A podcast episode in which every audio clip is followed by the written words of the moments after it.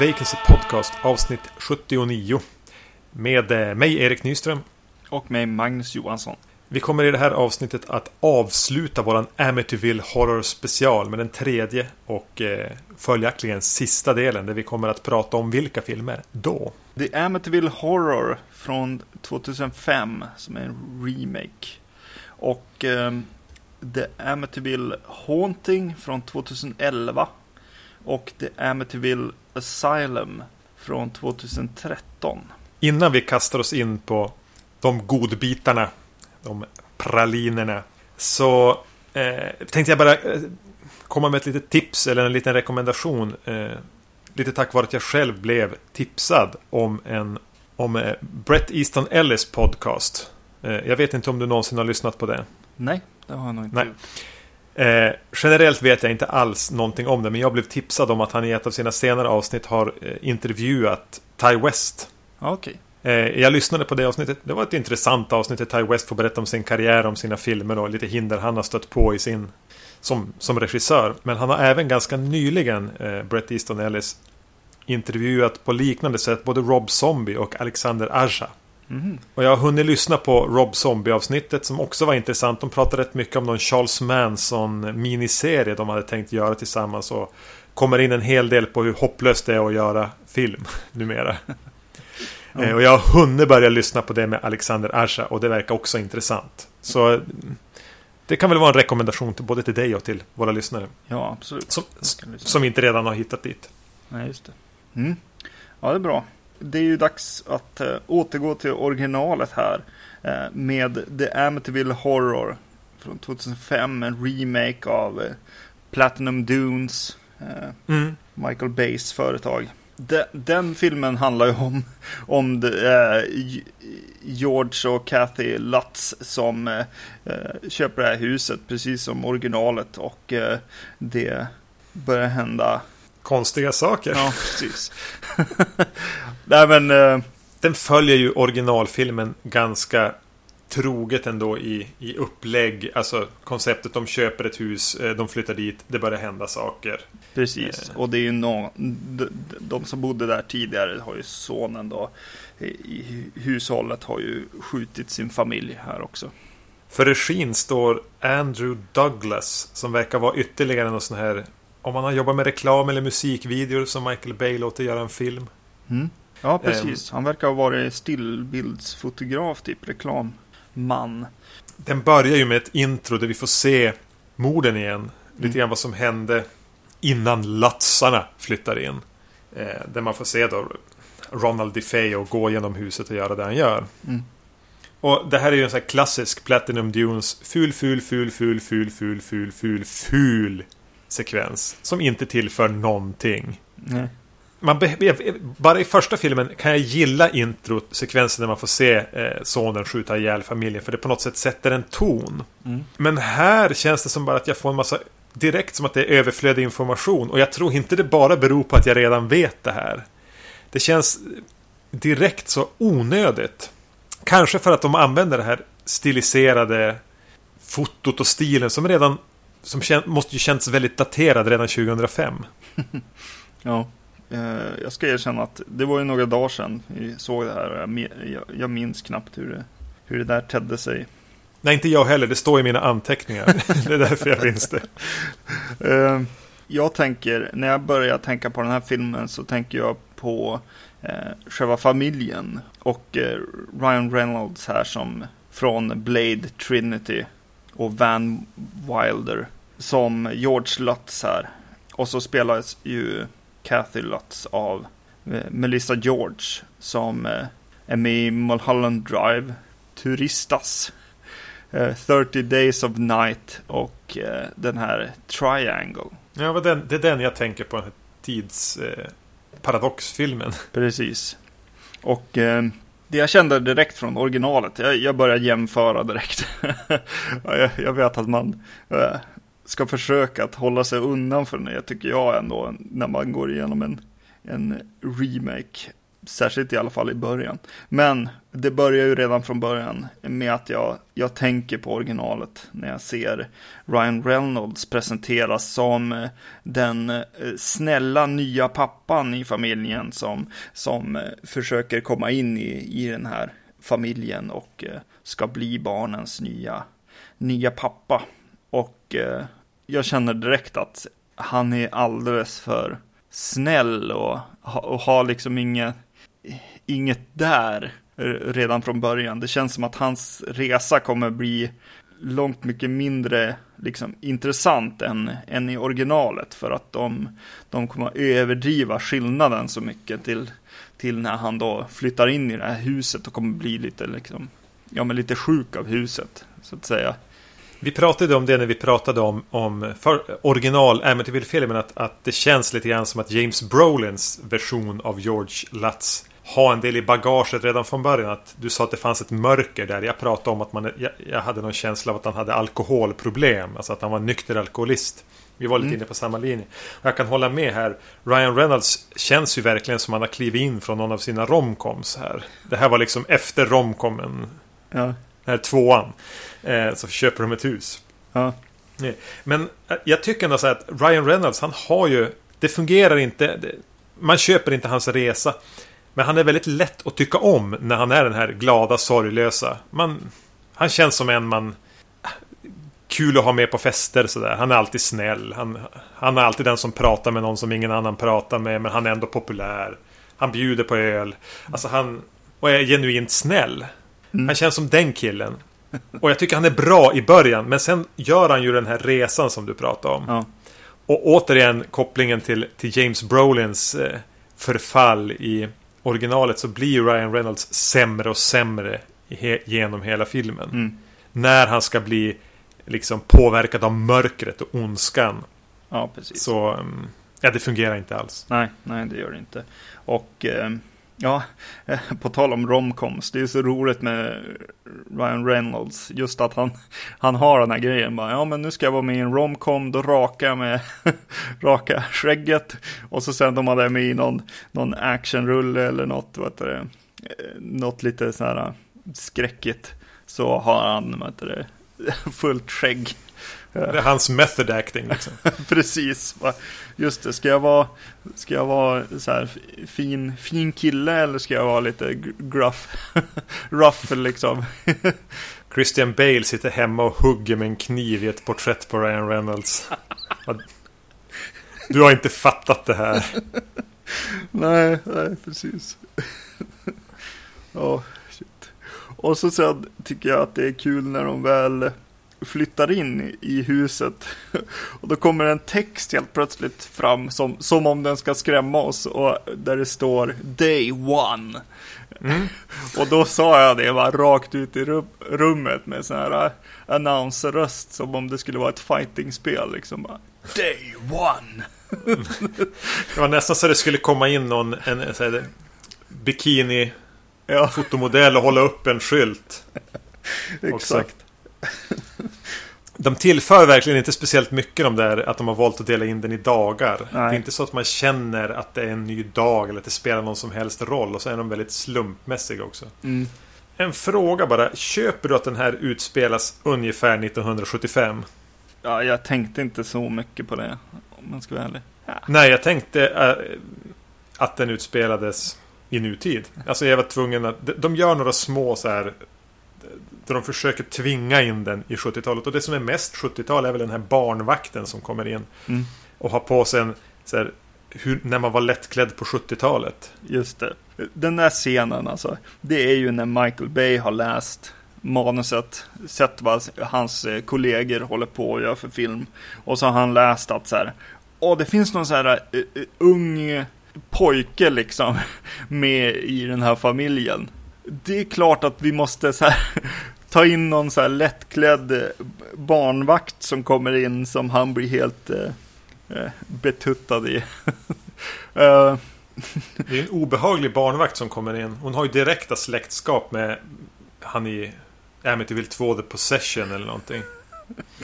För hon är kanske 25. Ja. Och han är 12. Just det. Och hon är ju som in, skulle ju inte vara helt bangen på att hångla med han. Nej, precis. Nej.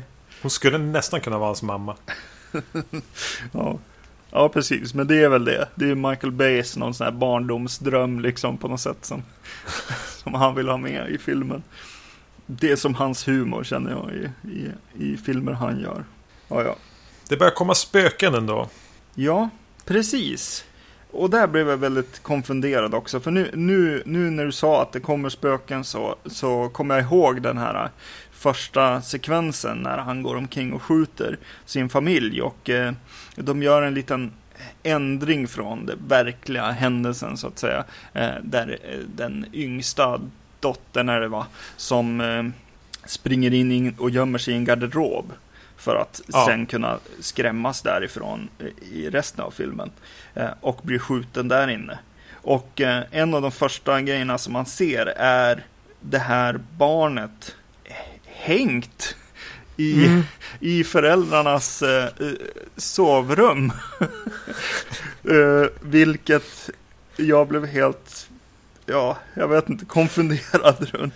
Va, ja, vad håller hon på med? varför är hon hängd där? Och varför är hon hängd när hon blev skjuten i pannan? Exakt. Eh, framförallt det. Det är otroligt konstigt och eh, dumt. Mm. Jag håller hon bara på att spexa eller? Nej, jag, jag, jag... Okej okay att det är spöken, man, det behöver inte finnas någon rim och reson, men det där det där blir så fel så det tar en ur. Bara liksom, har de redan glömt introsekvensen eller vad? Mm. Okej att det är visuellt med någon som hänger sig. Det, det, ser ju obehagligt ut på film. Men var ni tvungen att använda det här? Och den här flickan som vi ser försöka, eller som vi ser hänga sig, dyker ju upp då som den här, eh, generic spooky spökflicka. Mm. Som naturligtvis blir kompis med den yngsta dottern i familjen. Mm. Visst hade vi sett det här till, måste vi ha sett det här till Leda redan 2005? Eh, ja, precis. Och de har då alltså bytt ut, hon heter Jodie. Eh, I originalet som vi alla minns så blev yngsta flickan kompis med en gris som heter Judy. Ja. Så de har då liksom bytt ut den här konstiga stora grisen med röda ögon. Som var en av mina favoritdetaljer i, i, i originalet. Ja. Mot en, en spökflicka. Mm. Som inte kan bestämma om hon blev hängd eller skjuten. Nej, precis. Just den där hängningen känns lite grann som eh, i Beetlejuice när de försöker komma på sätt att skrämma de som bor där. Så bara, vad är läskigt? Vad kan vi göra? Så ja, det funkade på Ryan Reynolds. Eller? Han blev jätterädd. Ja, just det. Han ville inte sen är, ens... Sen är även mm. Gollum där och spökar också. Ja, just det. Förstår aldrig vad det är för en, för, för en filur. Det är någon, ja men Gollum. Typ. eh, och det här är då spöken även ibland som bara vi ser. Ja. Alltså vi tittare kan få se en karaktär typ stå och borsta tänderna och gå därifrån. Och då får vi se att bakom honom stod ett spöke. Ja. Och tittade läskigt på honom. Och det gillar jag inte riktigt. Va? Ska vi bli rädda för hans liv och hälsa? Eller ska vi... Alltså är det här bara en, en skrämsel som är riktad på oss, mot oss? Jag vill ju hellre i den här typen av film som den ju oftast spelar på låta mig kliva in i Ryan Reynolds skor eller i hans eh, Melissa George skor. Mm. Eller i den här yngsta sonen som är väl egentligen är den oftast man får identifiera sig med. Eller yngsta sonen i familjen. Mm. Men ibland ska vi liksom bli rädda av att de av spöken som de aldrig ser.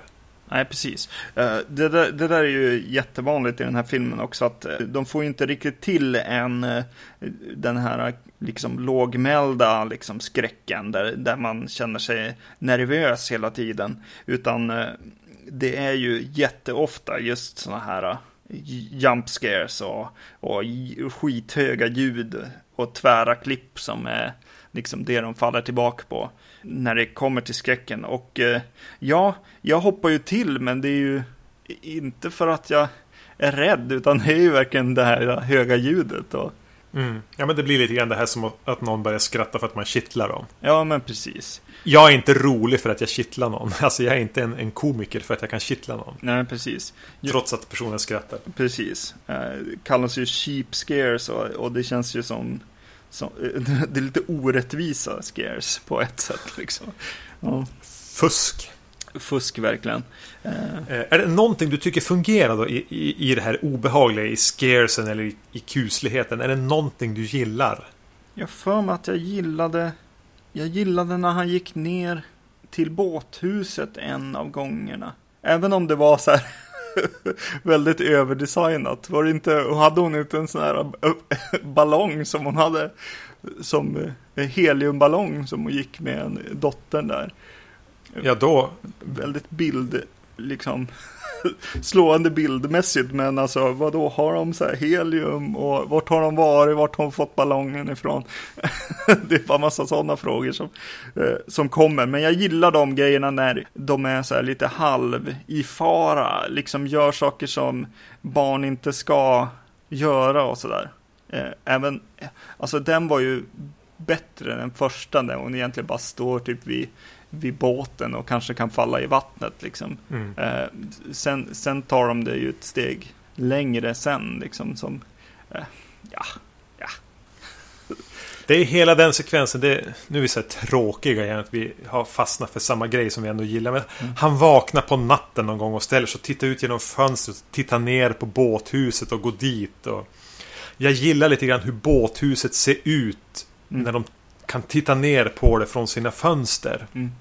Eh, Det är väl det jag verkligen... Ja, men det där... eh, Det känns som att det är, samtidigt som att det ligger en del outnyttjad potential i det. Mm. Men att eh, ja, men det, det är någonting lite obehagligt med hela konceptet med, med båthuset där nere. Är det någon där inne? Mm. Sen använder de det alldeles speciellt bra. Och några gånger så kastar de ju bort det helt otroligt mycket när de är inne i båthuset och ska försöka skrämmas. Mm. En annan bild egentligen som jag verkligen gillade i filmen som är egentligen en, en liten sekvens där filmen får andas och de kommer bort från huset lite grann. För de har varit på ett doktorsbesök. Och sen så åker de i bilen och eh, pratar lite löst om, om, om det och om att eh, liksom hålla ihop familjen och allt det. Och det är bara en kameraman liksom i baksätet av en bil eh, som försöker få med dem på bild. Och så när de kör genom staden de bor i så, så är det jäkligt fina färger och, och härligt foto på något vis. Eh, jag gillade, gillade just den korta, liksom, de korta sekunderna som, som den lilla scenen utspelar sig under.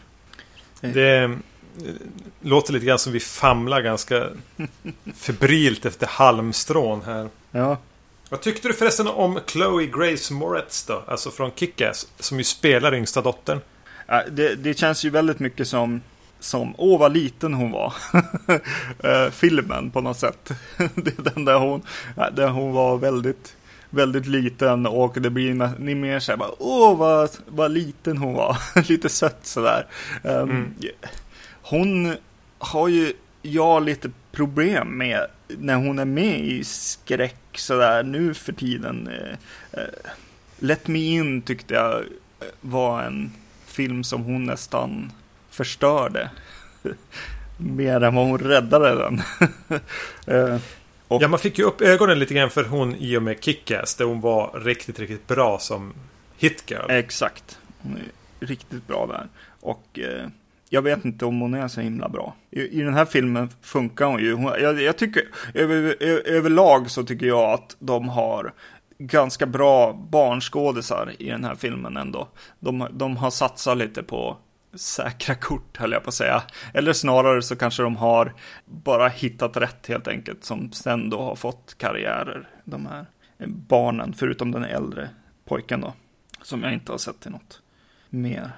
Men någon som jag gillar, kanske inte i filmen, men jag, eller jag vet inte, jag gillar hon eh, Melissa George eh, som spelar Cat i Lats här. Jag tycker att hon utstrålar någon slags styrka.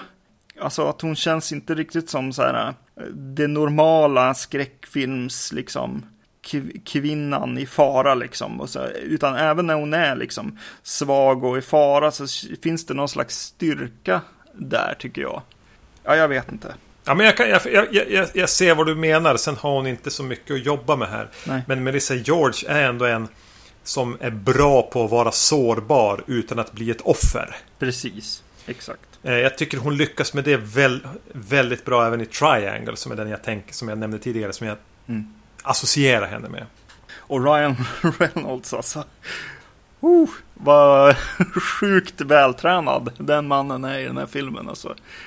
Och det, det bankar de ju på rejält. Det, hon, han får aldrig ta, ta på sig en tröja i den här filmen känns det som. Utan de har, de har sett att, ja men här du, här har vi något, en, en kassako. Nej, jag vet inte. Låt han hugga mycket ved. Precis. Uh, ja, nej, det blev lite så här genant. Det blev verkligen så här. Ja, ja, frugan satt och såg på något annat vid datorn och så vände hon sig om och så bara, vad ser du på? det blir ungefär, var ungefär som liksom att det skulle vara en topless kvinna i princip. som sprang omkring i den här filmen. Topless Ryan Reynolds. Så, ja men där har vi också en, en selling point om inte annat. Ja, precis. Jo. Jag kollade upp eh, gjorde en liten faktacheck då med mitt eh, orakel i Amityville-universumet Marcus om hela det här konceptet med catch them, kill them och eh, mm. som, som de eh, fogar in här och en historik med ja, vi kan låta den vara osagd men en liten, liten ny tråd mm. Eh, som naturligtvis bara är påhittat av manusförfattaren inför den här filmen. Och då försökte de ändå lansera eh, den här remaken med att de hade fått ny information om vad som faktiskt hände. Mm, Okej. Okay. Intressant. Eh, Eller de hade hittat på ny information. Ja, precis. Jo. Det som jag kan känna är att du, den här eh, sonen får ju lite utrymme som förmodligen är enligt, ja men som han var helt enkelt. Väldigt, väldigt skeptisk mot eh, George eh, Lutz och eh, de bråkade ju tydligen rejält eh, i verkliga världen. Så att säga.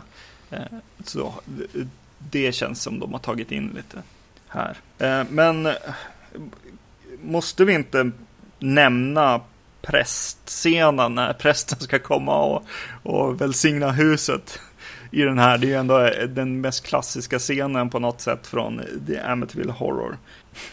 Och flugorna. Mm. Det är ju, den här är ju verkligen skrattretande. Någon slags så här, eh, chockeffekt igen då. Eh, som, som blir väldigt uh, töntig.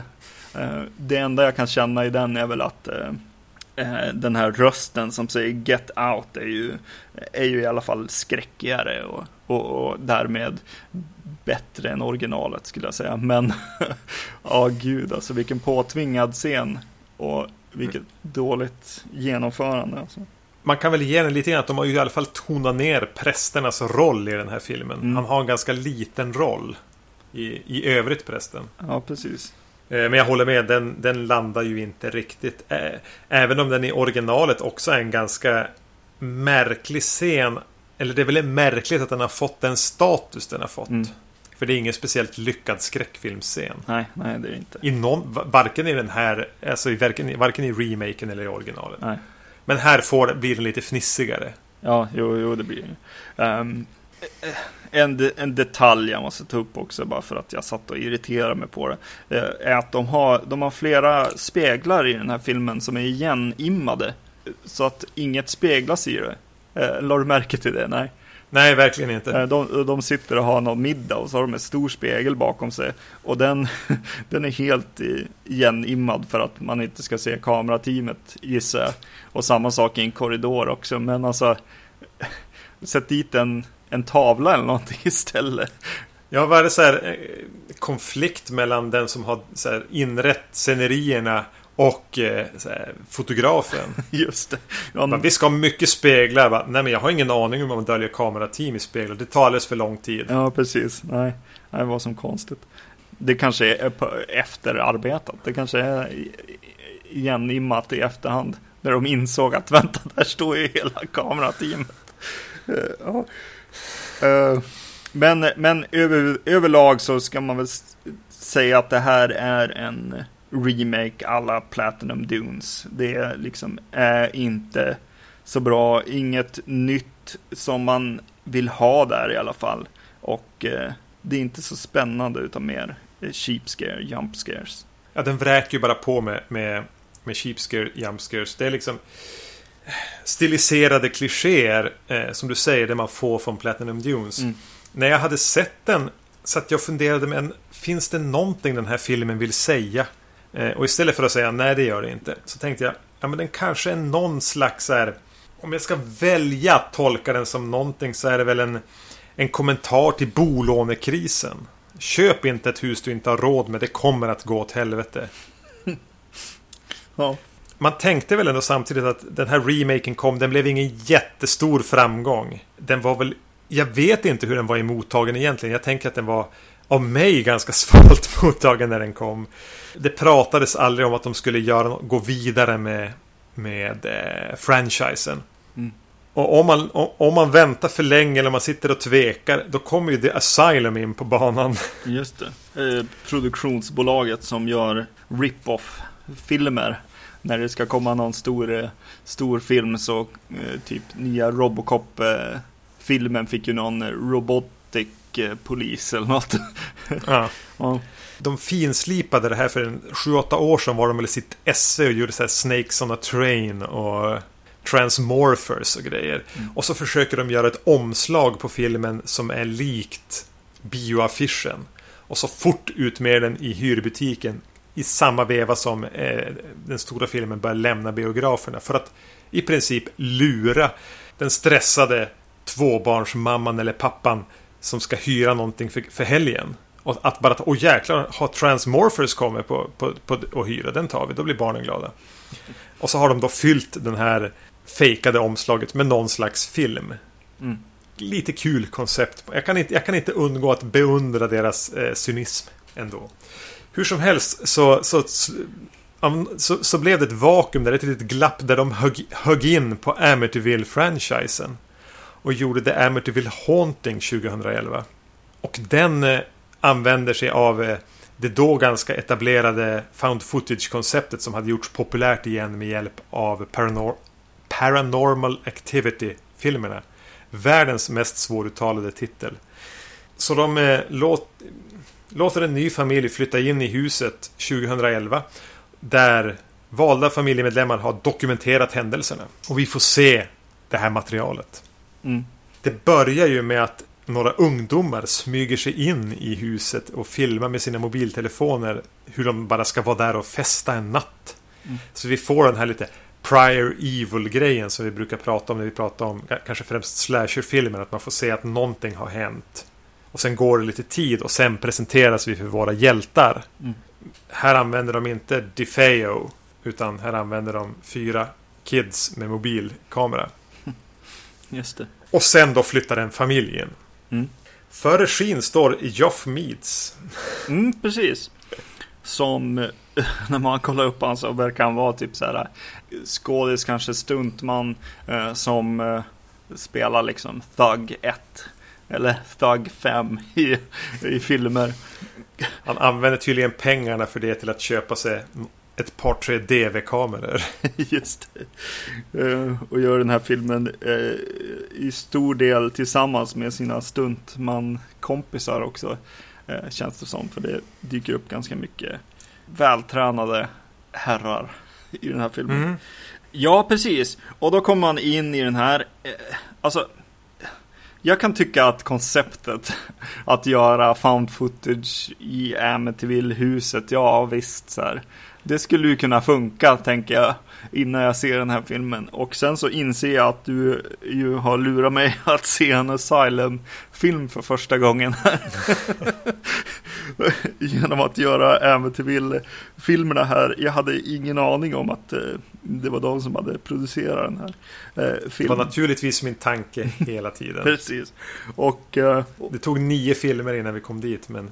Precis. Eh, och eh, jag tänker så här att eh, ja, men jag ska se hur de här funkar också. Det blir ett, ett, eh, ett till lager för mig genom att få se hur, hur deras eh, filmer ser ut eh, och för sig. Eh, och eh, då vill jag ge den lite så här, ja men ja visst det här kan bli, säkert bli lite dumt och, och roligt så här och eh, jag kan tycka att de gör en ganska kul, kul grej i, i den här prologen när eh, ungdomarna kommer in i huset och eh, de står längst ner i trappan och ser någon, någon skugga i, i trappan som sen försvinner när de, när de lyser på den. Det är en ganska god idé, men sen, sen är det väldigt odramatiskt utfört. De bara, åh titta, det är någonting där i trappen. Eh, typ kanske två meter ifrån dem. så står de och filmar. Ja, det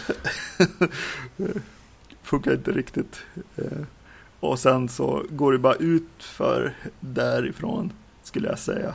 Uh, Filmens höjdpunkt för mig inträffar under den här prologen med de här ungdomarna. Mm. Eh, det är alltså två unga män och två unga kvinnor som tar sig in i huset. För att dricka lite öl och, dela på sig så de kan ha sex med varandra. Mm. De väljer då liksom Ena paret har sex inne på en toa och de andra liksom verkar ha riktat in sig på köket av någon anledning. Mm.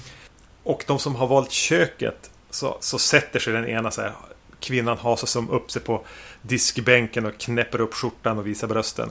Och han kommer mot, vi ser då allting som han filmar genom sin iPhone och går mot henne och de ja, men, flörtar lite grann. Och så helt plötsligt så tittar hon liksom förbi han och säger typ Oh my God. Mm. Och så bryts det.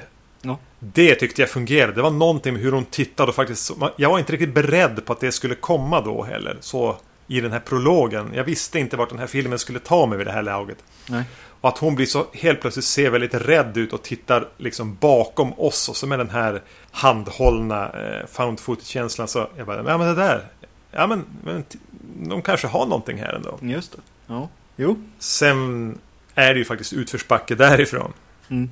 Det den här filmen har sen då, eh, ja men då flyttar de in. Eh, det är en pappa som är väldigt så här, ja men typ en stuntman eller alternativt någon porrskådis. Och mamman här och så är det väl, jo det är en äldre eh, dotter, alltså i ja, men ton... Övre tonåren. Precis. 17 kanske. Mm. Och så är det en, en uh, ung uh, pojke då som, som är den som filmar det mesta av det här. Och eh, har någon slags eh, ambitioner att eh, göra en dokumentär om sin familj eller, eller vad, vad det är han vill göra.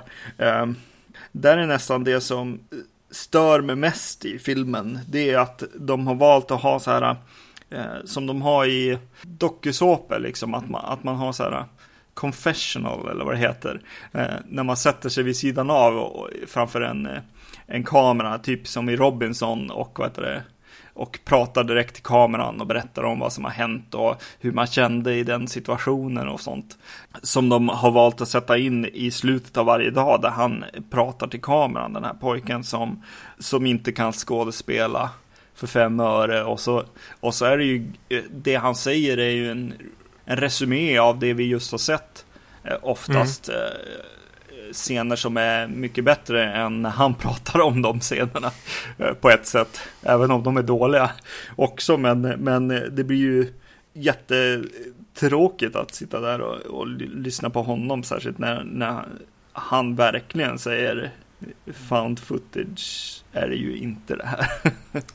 Nej men och sen många av scenerna då, kanske mellan mamman och pappan, mm. som grälar, smygfilmar ju han genom att i princip ställa sig i en dörröppning och filma dem när de grälar.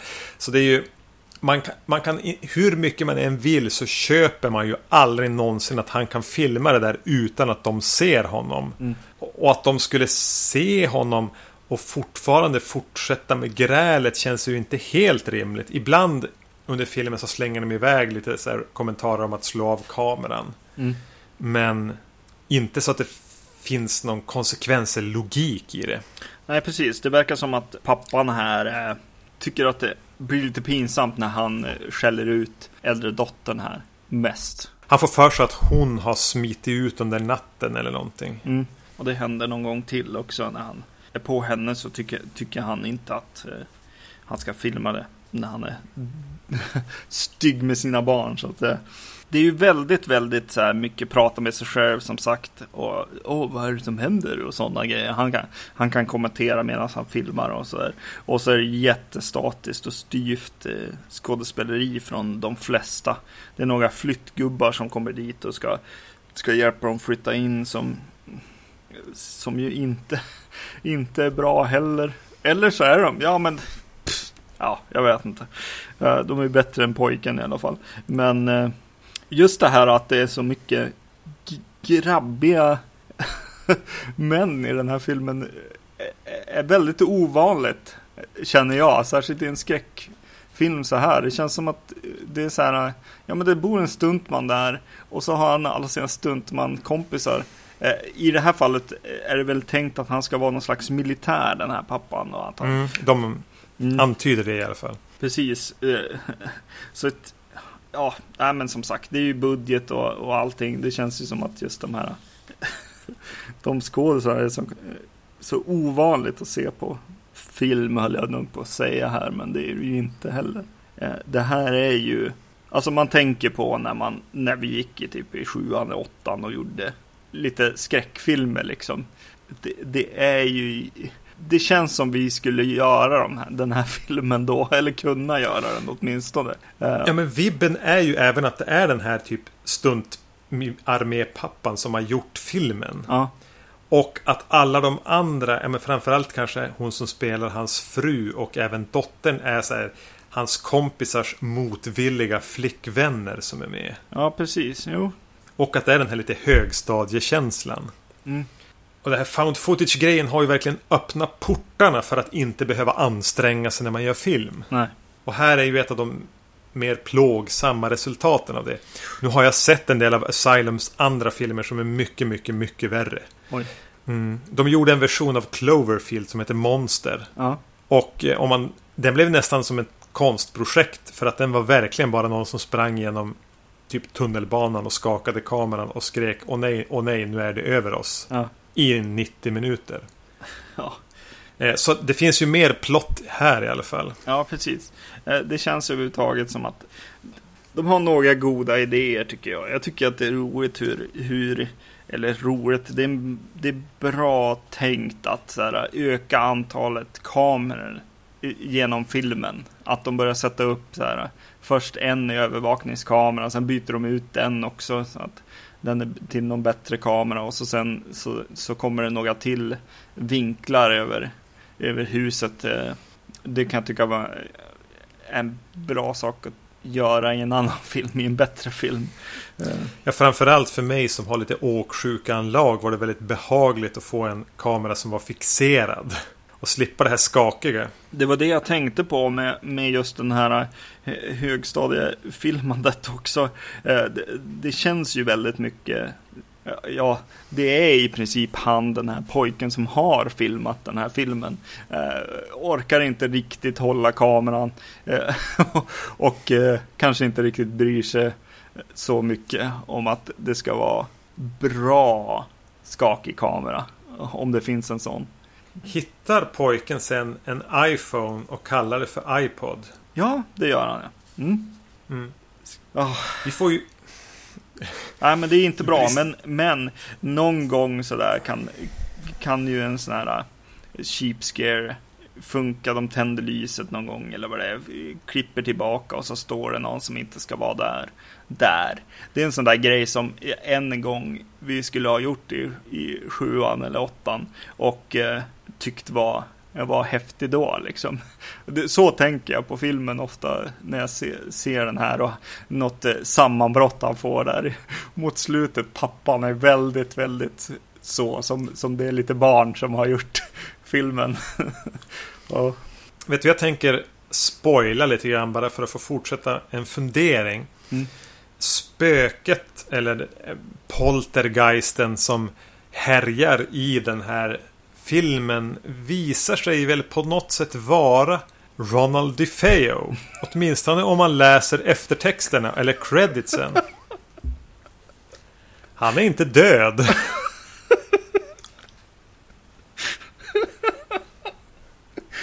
uh, oh, herre min ge. Undrar hur man, hur man skulle reagera som livstidsdömd fånge om man får se att man börjar göra filmer om en som ett spöke. Mm. Vill man som bara räcka upp handen och vinka lite och säga Jag lever. Det är typ som man skulle stoppa in Charles Manson spöke i en film. Men någonting jag börjar tänka på här. Det är så här. Amityville horror liksom. Kan, kan du och jag bara gå ut på i någons hus och filma en Amityville horrorfilm? Är det liksom public domain? Är det ingen man behöver be om tillåtelse? Det kommer visa sig i nästa film också att, att det finns ett visst fokus på, på The Feo här. Eh, mm. Som är mer, mer kanske än Lats-familjen. Eh, och jag tänker att det kanske är kryphålet någonstans. Ja men hoppa på han som sitter liksom inlåst och har inte har en chans att försöka försvara sig. Han är förmodligen omyndigförklarad i sitt alltså, fängelse. Mm. Vem ska föra hans talan om man börjar använda hans namn? Säga att han är ett spöke. Eller vad man nu gör. Eh, men, men, men, samtidigt när eh, The Asylum är inblandade så brukar de inte vara jättenoga med att kolla upp rättigheter. Utan de, de bara kör och hoppas att de ska få in så pass mycket intäkter att, att de kan täcka eventuella skadestånd de sen måste betala.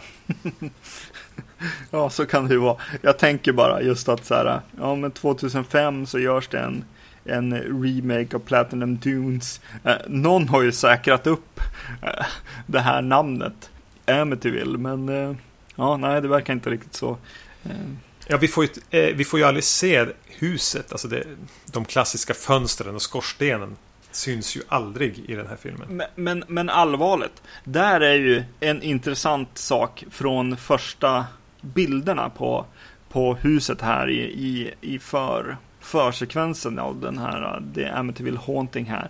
Så är de ju vid Amityville-huset och filmar upp och äh, det är de här, de här nya fönstren som den här äh, som någon av ägarna satt dit så att det inte skulle se ut som Amityville-huset eh, fortfarande utan de gjorde vad det, fyrkantiga fönster där uppe. Och just i den sekvensen när de springer in mot huset eller filmar den i början eh, förmodligen bara filmar det är typ en känsla av att de har liksom bara tagit foto och så har de försökt få det att se ut som man lyser med en ficklampa över det liksom. På det faktiska huset. Jag undrar om de har varit och snott en bild där liksom. Ja, jag vet inte. Det beror nog mycket på om The Asylum är lokaliserade till öst eller västkusten. Just det. Ja, det är sant. Jag tror aldrig de skulle sätta, bekosta någon att åka ett flyg över till, till liksom Long Island för att ta, stjäla den bilden. Då har de istället använt ett foto som du säger. Mm. Uh, yes, ska vi gå vidare? Ja, det här var ju en tung film att ta sig igenom. Den är, ganska, den är väl den kortaste hittills, 86 minuter. Men den hinner ju väldigt fort bli tröttsam. Mm, eh, precis, det är en eh, skitfilm eh, som jag hade någon slags förhoppning på. För jag tyckte, tyckte att så här, ja men found footage, det kan ju bli bra. Så sen när jag ser förtexterna eller när DVD liksom eh, trailersna börjar gå så bara vänta, vänta, vänta, det här är en Asylum-film ju. Ja, men, men, nej, den, den, den var verkligen inte bra. Men, det, men, säger jag. Äh, The Amityville Asylum heter ju nästa film då, lägligt. För att röra till det lite grann. Precis, från 2013. Äh, som är gjord av en snubbe som heter Andrew, Andrew Jones. Eh, som eh, verkar göra skräckfilmer eh, och ibland remakes. Han har gjort någon Night of the Living Dead-film bland annat. Han är även engelsman och ett, par år yngre än vad vi är. Mm. Och här verkar han ju ha både producerat, regisserat, skrivit manus och gjort musiken. Precis. Och till skillnad från förra filmen så får man ju en känsla ganska tidigt i filmen att, att just den här är gjord av någon som gillar det här. Han gillar skräckfilm, han vill göra, göra filmer, tycker att det är kul att få en, ett ens känt namn att göra en uppföljare på, helt enkelt. Vad handlar det eh, Amityville Asylum om? 2013 har de tydligen rivit huset och eh, smält upp ett, en institution där för eh, psykiskt sjuka. Där en ung kvinna vid namn Lisa i desperation söker jobb som någon slags städare. Eh, hon eh, tassar runt i korridorerna där och blir rädd för alla de svårt psykiskt sjuka intagna. Där det finns en avdelning med de criminally insane. Det börjar hända konstiga saker. Mm, det gör det. Eh, jo, som sagt, då börjar den här filmen och eh, en av de första filmerna är e efter en ganska så här tafatt eh, version av så här modern förtext med lite bilder från, från morden igen va? Jo. Mm. Uh, ja, han går, om, går omkring, uh, DeFeo här, går omkring och mördar sin familj uh, bland förtexterna. Och uh, sen så kommer man in i själva, själva filmen. Och eh, den där första bilden som är där, när hon sitter i, en, i den, här, den här sjukhusmiljön i korridoren. Och det går förbi några, en, en patient som, eh, manlig patient som verkar lite intresserad av att komma nära henne. Eh, så, så de som vårdarna får plocka undan honom därifrån och leda honom vidare. Den bilden känns ju som att det är just en person som så här, har någon slags eh, vilja att göra riktig film här. Ja, han har en begränsad budget och en begränsad teknik. Alltså, den är ju filmad med en DV-kamera som kanske inte är den dyraste på hyllan. Nej. Men, men som du säger, det här är ju någon som vill göra det bästa av det. Inte bara göra någonting. Ja men precis, man börjar tänka på liksom de norska filmskaparna. Skräckfilmsvågen, eller vad man ska kalla, mm. eh, kalla det. Lite så här.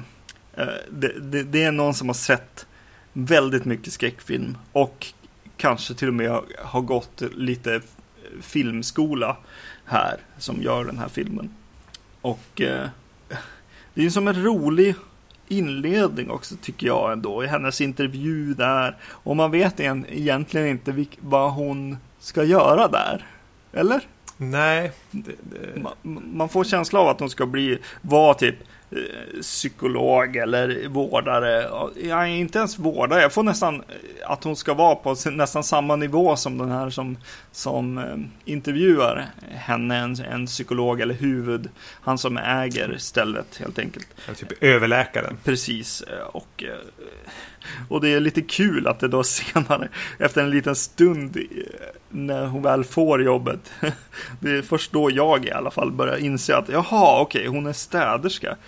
Och det är också lite kul. Det känns som en ganska ovanlig eh, huvudroll eh, på något sätt ändå. Ja, alltså det känns väl mest som en ursäkt för att slänga in outsidern som vi ska kunna identifiera oss med i den här miljön. Mm. Med den mystiske överläkaren. Med de här lite slämmiga eh, vårdarna. Mm. Och de här obehagliga och märkliga intagna patienterna så måste vi få in den som är vi i det här. Mm. Och det får ju den här Lisa då ikläda sig den rollen. Så då får hon vara någon slags diffus städare. Men mest ska hon ju gå omkring och uppleva saker där inne. Mm. Jag måste ändå bara säga något om förvirring med, med hur hamnade liksom den här franchisen Amityville Horror England på något vis. Nej, den utspelas på Amityville, det är inget snack om. Men den är gjord av en engelsman som har valt att hålla sig till brittiska skådisar som gör blandade ansträngningar att dölja sin väldigt, väldigt brittiska accent. Mm. Det blir en lite surrealistisk känsla eh, att det, det, som att det är en massa engelsmän som invaderat Long Island. Ja. Eh, en del försöker dölja det, en del inte. Nej, precis. Uh... Hur hamnade rättigheterna i näven på den här killen? Som, och den är förmodligen inspelad i typ Manchester eller någonting. Ja. Uh, ja, men det är precis det jag var inne på med förra filmen. Att så här, ja. vad, vad är det som händer? Lite grann. Om, det är som att det finns en copyright på The Amityville Horror. Titeln. Mm. Och det finns inte en copyright på uh, DeFeo. Han kan man använda. Och mm. Amityville kan man använda. men, uh, men kanske inte Lutz. Jag vet inte. Kanske inte designen på huset. Nej, just det. Nej, precis. Ja, nej, det är väldigt märkligt. Och jag, jag hajar ju inte från början. Jag vet inte vad det är som är off, som är fel. Så att först så började jag känna att så här bara, oj, det, det här känns väldigt så här äh, hemma. Det känns eh, lite svenskt. Eh, fotot och, och så här, äh, gradingen, alltså när man ändrar eh, färgerna och sånt i, i filmen känns så här, äh, lite så här svensk thriller. Och sen att hon själv, alltså huvudrollen här, små påminner om, vad heter hon, Lisbeth i Millennium-filmerna. ja, om inte annat kan jag hålla med om att hon har ett svenskt utseende. Ja. Hon känns lite grann som någon man skulle kunna känna. Precis. Och, och även liksom vissa skåde, av skådespeleriet. Han den här huv, huvudläkaren och, eh, och, och hennes, ja men hon också. Eh, känns också lite svensk. Ja men det är skådisar som har stått på, på scen på en teater liksom. Och kämpat med det och även ja, men hon som är lite yngre kanske har liksom just försöker kämpa sig in i någon filmroll liksom. Och, eh, mm. Men har, har mest eh, jobbat på amatörteater liksom. Och eh, ja, nej, det, det var något som kändes väldigt eh, svenskt över filmen. Men eh, sen så kommer ju hennes kompis in som, eh, som har... Otroligt brittisk och inte ens kan uttala Amityville. precis, man måste ju säga att att ska man vara med i en Amityville-film så måste man ju ändå säga Amityville. Amityville, säger hon hela tiden. Säger hon, ja. Och hon, regissören har tydligen inte hjärta att korrigera henne. Nej, För precis. Andra man... karaktärer säger Amityville som huvudrollsinnehaverskan. Hon säger Amityville. Ja. Men här kommer Amityville. Precis. Och ingen vågar liksom säga till eller liksom ha hjärta att säga till. ja, ja, nej. Eh, och, och så möter hon ju har hon ju en annan städ, städare med sig där också som väl kanske har varit med i rysk maffiaverksamhet. Ja, någon slags öststat. Ja, just det. Verkar ju komma från i alla fall. Och tanken är väl från början att man ska bli lite rädd för han eller tänka oj och nej, ska hon måste jobba med han? Ja. Men han verkar ju vara en ganska fin kille. Ja, jo han är ju bra. Tyckte du också att han var lik James Franco? Eh, nej, det gjorde jag inte det var kanske jag som ville att han försöka hitta så här fokuspunkter i filmen. Ja. Så då fick hans eventuella likhet med James Franco vara en av dem. Just det. uh, ja, han har ju en, en scen där, där han börjar ja, men förklara att han, han pratar med även de mest eh, katatoniska, heter så, uh, mm. patienterna. För att uh, han vill på något sätt att de ska veta att det finns någon där för dem ändå. Så, nej men det var, var väl en lite rolig så här eh, relation som kunde ha varit mycket bättre. Jag tänkte på, på den här, eh, vad heter den, The Inkeepers. Alltså om de, om, om de ändå hade varit där. som de, deras kemi som de, de hade i den filmen. Eh, så hade det väl varit ännu trevligare den här relationen som finns här. Men jag uppskattar ändå att de lägger så pass mycket krut och energi på att etablera deras ganska fina vänskap. Ja, jo men, ja, men precis. Han är ju på något sätt så hjärtat. På något sätt som man återvänder till lite då och då i filmen och eh, kan andas ut lite grann. Men eh, med just att andas ut och, och så, så känns det som att det här är en väldigt, väldigt, väldigt pratig film. Mm flera dialogscener bara äter sig in genom tiden som filmen har att spela på. Att de bara babblar vidare. Mm. Mycket dialog. Det är tydligen billigast att ta längst tid i film också verkar det som. Eh, för det verkar som att den här filmen definitivt skulle må bra av att vara liksom mm, 30-40 minuter lång. Eh, det känns som att den eh, det är väldigt mycket padding. Väldigt mycket eh, bara ta upp tiden. Mm.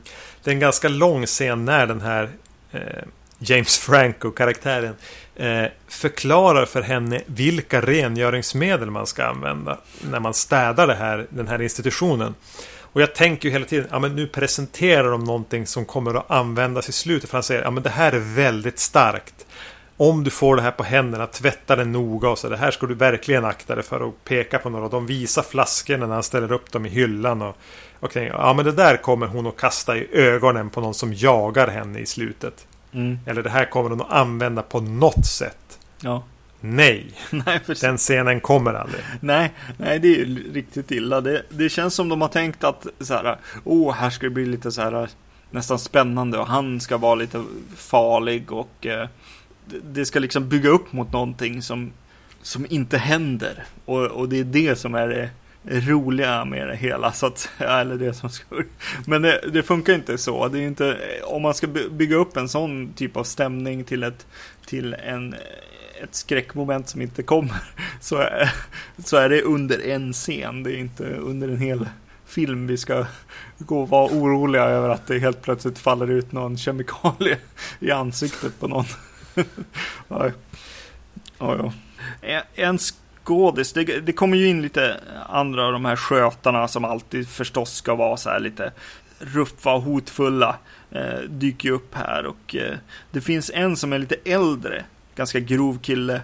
Nästan man skulle kalla han för en gubbe. Mm. Eh, och eh, Men ändå en gubbe man är lite rädd för. för Han ser precis. hårdför ut. Mm. Han, han gillade jag. Det är någonting med hans skådespeleri och, och, och så. Det känns som att han har pondus och känns äkta på något vis. Eh, kanske det enda som, som känns äkta på, på ett sätt i filmen. Eh, Han vill inte vara där. Karaktären och skådisen eh, är inte alls brydd över att vara där heller. Vilket gör att han gör en ganska trovärdig roll tycker jag. Eh, jag får väl... Jag tänker mig att filmen här ändå är fylld av riktiga skådisar. Som, du, som vi pratade om, att, att det här är karaktärsskådisar som har stått mycket på scen, som kan yrket. Att vi sen har en regissör som inte riktigt är hundraprocentig på personregi och hur han ska använda dem. Men det blir lite grann som en klocka som står still. Eh, visar ju rätt tid två gånger om dygnet. Att några skådespelare lyckas han ändå få fram på rätt sätt i filmen utan att egentligen veta om att han gjorde det. Många spretar åt ett håll eller lite skeva är lite mindre trovärdiga men medan några fungerar rätt bra. Men jag, jag tycker ändå att man ser att alla i den här filmen kan agera. Mm. Med rätt regissör eller på rätt scen eller i rätt sammanhang så är det här duktiga skådisar. Ja.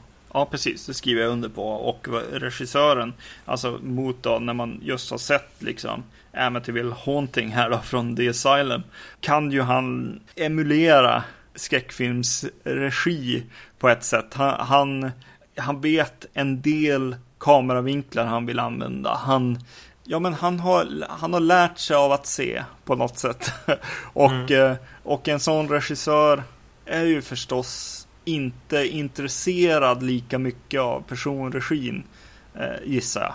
Nej, Nej, och samtidigt har haft tillgång till ett gäng brittiska karaktärsskådespelare. ja, ja precis. Som man inte riktigt kan hantera.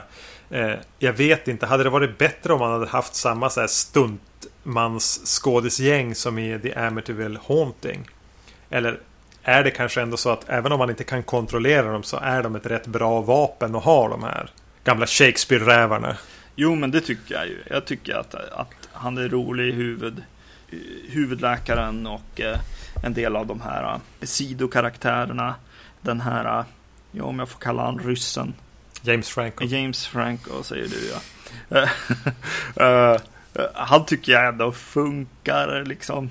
Eh, Även om hans, hans grej är att försöka hålla sig, sig inom rätt dialekt eh, egentligen. Och så sen att han har någon slags charm liksom.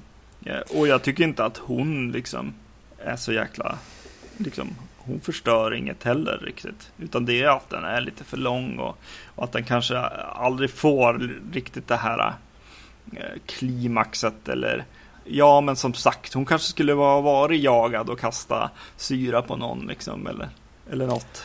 Slutpläderingen som eh, en karaktär tillåts hålla i en intervju i slutet av filmen. Mm. Nästan den scen som enskilt jag tycker fungerar bäst. Visserligen spelar ena karaktären över ganska mycket, men man har som vant sig vid det vid det tillfället. Ja. Den köper jag eh, rakt av på ett sätt. Ja. Ja, men det där är en väldigt trovärdig intervju i ett nyhetsprogram. Hon som spelar reporter där är ju suverän. Som en så här typ Skellefteå-TV-reporter. För en mindre TV-kanal. Mm. Eh, och där försöker väl som filmen få in ett... Ja men vad är det den... Försöker kanske säga någonting om hela konceptet med The Amityville Horror. Mm. Alltså hela, hela, hela franchisen. Ja, precis. Som jag tyckte var lite rolig ändå. Ja. Ganska oväntad när den kom. Mm. Där som en påhäng. Jo, nej men det var ju schysst. Och lite, lite uppföljarbait också i och för sig. Men ja, Men på det hela taget en ganska trist film. ja precis. Ändå. Och, och eh, den här vändningen som, som filmen gör. Eh, det känns lite ansträngt. Men ändå, ja men det är väl klart det ska vara så på något vis också. Ja, vad säger man om den här filmen? Ja, men den var in- inte så bra, men det var kul att, att eh, på något sätt se om vi, om vi ska jämföra, om jag ska gå tillbaks till Amityville Haunting, om, om, eh, om den är gjord av de som går i sjuan och börjar göra egna skräckfilmer för att de har sett för mycket fredag den 13, så är ju det här på något sätt eh, när den personen eh, åtminstone går i gymnasiet. nej, nej den här personen har, har gått igenom mediaprogrammet och eh, även någon, någon filmkurs till liksom. Och kommit betydligt mycket längre. Och eh, kan säkert göra någonting, någonting kul, någon sido, alltså någon parentes som är väldigt rolig att se på ändå. Jag blir lite sugen på att se hans eh, Night of the Living Dead film efter att jag sett den här. För det finns någon slags kärlek i det. Ja, DVD-utgåvan som jag köpte av den här har ett kommentarspår. Okej. Såg jag. Eh, som jag ändå är lite sugen på att titta på. Mm. Det vore kul att se. Ja men du, nu är vi klara. Det här var 11 Amityville horrorfilmer. Mm. Vad blir det? Sju av dem gjorda direkt till video eller till TV. Mm. Fyra har gått på bio. Just det. En är ju på G också här. Mm. Eh, just nu. Nästa år någon gång så släpps det en, en till Amityville Horror-film som heter The Amityville Horror The Awakening. Någonting sånt. Jag tror nog fortfarande är på lite på arbetstitelstadiet där. Men The Awakening verkar de ha tänkt använda. Mm. Eh, trailern kommer för några veckor se- sedan. Mm. Just det. Och det märks ju att det är från producenterna av Insidious, The Conjuring och vad heter den? Sinister som vi har pratat om här på, på podden. Mm. Det verkar handla om en familj som, som flyttar in i Amityville-huset. Och de har någon sjuk eh, eh, son. Eller det är mamma med barn, tror jag. Mm. Som flyttar in. Eh, lite äldre, en äldre eh, dotter och eh, någon son som är svårt sjuk och, och li- ligger i, i princip i koma, verkar det som. Någonting sånt verkar det som. Eh, och eh, i det här huset så, så händer det mystiska saker. och, eh, och han eh, studsar till liv lite då och då för att skrämma en. Eh, ja, vad, vad tyckte du om trailern? Alltså jag blir ju inte förtjust. Eh, Jag känner väl inte att de på något sätt äntligen har hittat ett sätt att gå vidare med, med Amityville-huset eller huset som Gud glömde. Utan det känns mer som att de har kommit över ett, man, ett manusutkast till Insidious 3 eller kanske till och med första Insidious-filmen. Det är ingenting som känns intressant i det jag tittar på. Nej, nej inte för Jag mig har heller. sett det. Eh, sen, sen, sen har jag väl en förhoppning att regissören då, Frank Calfun, som Alexander Ajas kompis, Just. som jag gjort bland annat P2 sen tidigare. Ja, Och eh, att, att han ska vara tillräckligt skicklig för att faktiskt kunna få, få, få det hela intensivt och spännande och på allvar på ett sätt som, som säg Amityville-remaken från 2005 inte klarade av. eh, som för övrigt hade hon tjejen från P2 i sig. Ja, ja. Hon var ju eh, den här eh, Barnvakten. barnvakten som kom på besök. Ja, ja, det var sidospår. Men eh, ja, okej, nu när du säger att det är han som har gjort den så skulle jag ju, eh, jag ju mer intresserad av att åtminstone se den. Men jag tycker att premissen känns ganska eh, tråkig och eh, om man ska döma av trailern, vilket man kanske inte ska göra, så känns det som att det är väldigt mycket igen jump scares och eh, liksom buh eh, hela tiden i princip. Jag känner väl på något sätt att vi har en skyldighet att eh, återkomma till den. För att ha en komplett Amityville Horror katalog för våra lyssnare att återvända till. Går den upp på bio i Sverige får vi väl gå på bio helt enkelt. Precis. Eh, det, det, det lär ju hända om det kommer en Elm Street-film eller Fredag den 13 film också. Att vi måste komplettera med dem. Som vi brukar göra i slutet av eh, såna här eh, långa långkörarserier så brukar vi ranka filmerna eh, var för sig och eh, det tänkte vi också göra med Amityville Horror. Det var lite spännande att göra det med just Amityville eftersom både när det gällde Friday the 13th och Nightmare on Elm Street så hade man ju en ganska tydlig bild redan när man gick in i det. Man visste vilka man gillade, man visste vilka man verkligen inte gillade. Här blev det lite eh, någonting helt annat, i alla fall för, för, för mig, att eh, göra den här listan och ta ställning mm. till vilka som skulle vara före den ena och den andra. Och när det är en serie jag inte har någon direkt relation till. Nej, precis. Det var, det var exakt så för mig också. Och eh, ja, jag är väldigt spänd faktiskt på hur, hur annorlunda det här kommer att bli eh, mot varandra här då. Jag har tagit eh, liksom inställningen när jag gjorde den här listan att eh, tänka på ordningen efter eh, efter egentligen hur troligt det är att jag kommer se de här filmerna igen. så tänkte jag så här. att så här, ja men vilken kommer jag helt plötsligt sätta in i, i DVDn eller Blu-ray-spelaren. Och så rangordna efter det. Vilket ju förstås är på ett sätt en rangordning av vilken som är bäst då till sämst, gissar jag. Jag gick, jag gick väl snarare efter någon slags så här magkänsla av eh, mest lidande och så ner till minst lidande och någon slags eh, uppskattning också. Mm, just det. Ska, du, du får börja. Okej. Okay. Eh, jag tänker då gå från plats 11 mm. och eh, upp till plats 1. Den sämsta Amityville-filmen, kanske inte helt oväntat, det är Amityville Haunting som vi pratade om i det här avsnittet. Vedervärdig eh, found footage som bara får mig att ångra att den genren någonsin fick en revival. Mm. Så på, och på plats 10 då, lite bättre. Amityville Dollhouse. Som jag tyckte genuint illa om och du tyckte var en, en uppföljare till House. Mm. Plats 9. Filmen vi alldeles nyss avhandlade, The Amityville Asylum har sina poänger men är fortfarande ingen vidare bra film.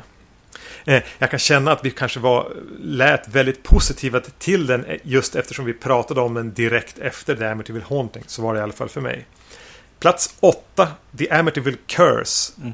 Filmen om eh, de som flyttade in i ett hus någonstans i närheten av huset. De fem vännerna som ska renovera en film jag minns väldigt lite av. Men eh, ändå kan minnas de här detaljerna med en biktstol som jag tyckte om. Och eh, inte så mycket mer. Plats 7, Amityville Horror Remaken från 2005. Om jag ska ta på mina allra mest positiva glasögon när jag ser den så förutom scenerna med båthuset så kan jag på något sätt se det lite intressanta i att den bara försöker leverera cheap scares och inte bry sig så mycket. Den är bara en berg och dalbana. Ingen vidare lyckad berg och dalbana. Utan en ganska dålig film ändå. Plats 6. Amityville 3D. Den tre, det vill säga Amityville 3. Med Will Ferrell som spök... Eller bluffjägare kan vi väl kalla det för. Jättetrist på många sätt. Men på något sätt så har den får den just att den hör till liksom en originalserien, att den gick på bio. Den, den var en del i den ursprungliga Amityville-franchisen på ett sätt. Och det verkligen är huset de är i. Men väldigt trist och väldigt svårt med tonen. På femte plats Amityville. Ja, det är faktiskt den fem, sjätte filmen blir det väl ja. Jo. Eh, It's about time. Tv-filmen om eh, klockan som hade förirrat sig ut till en annan familj. Och ställer till ofog. Mysig tv-filmskräck. Som jag aldrig egentligen hade tråkigt när jag såg. Plats fyra. Amityville 4. The Evil Escapes. Den fula lampan. Campy. Men ganska kul som ett trasigt familjedrama. Med stora brister fortfarande. På tredje plats.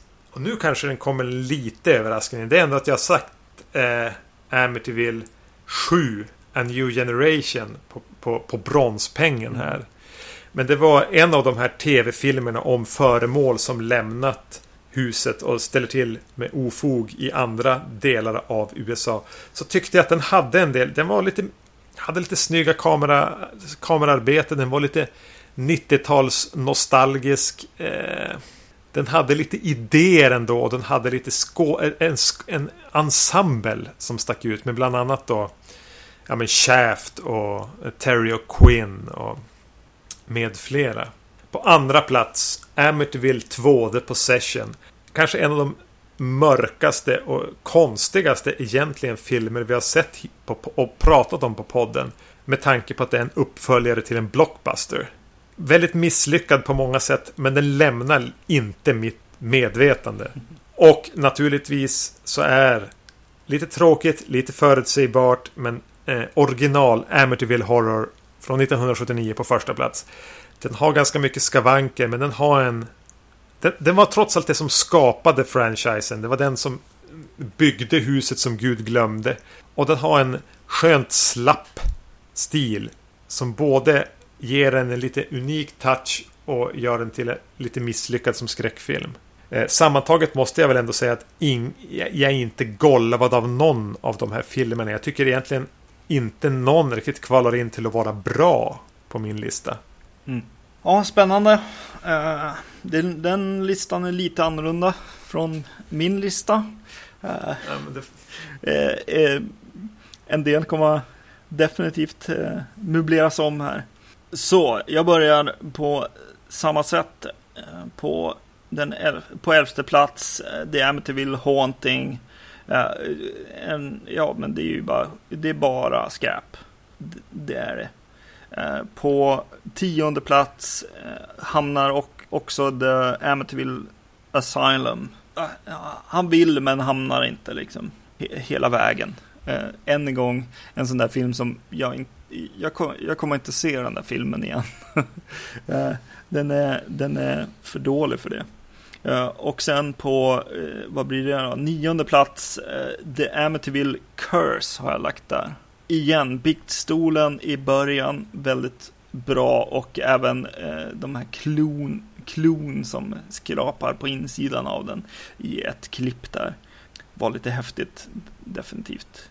Sen på åttonde plats så blir det Amityville 4, The Evil Escapes, som jag inte tyckte var så spännande.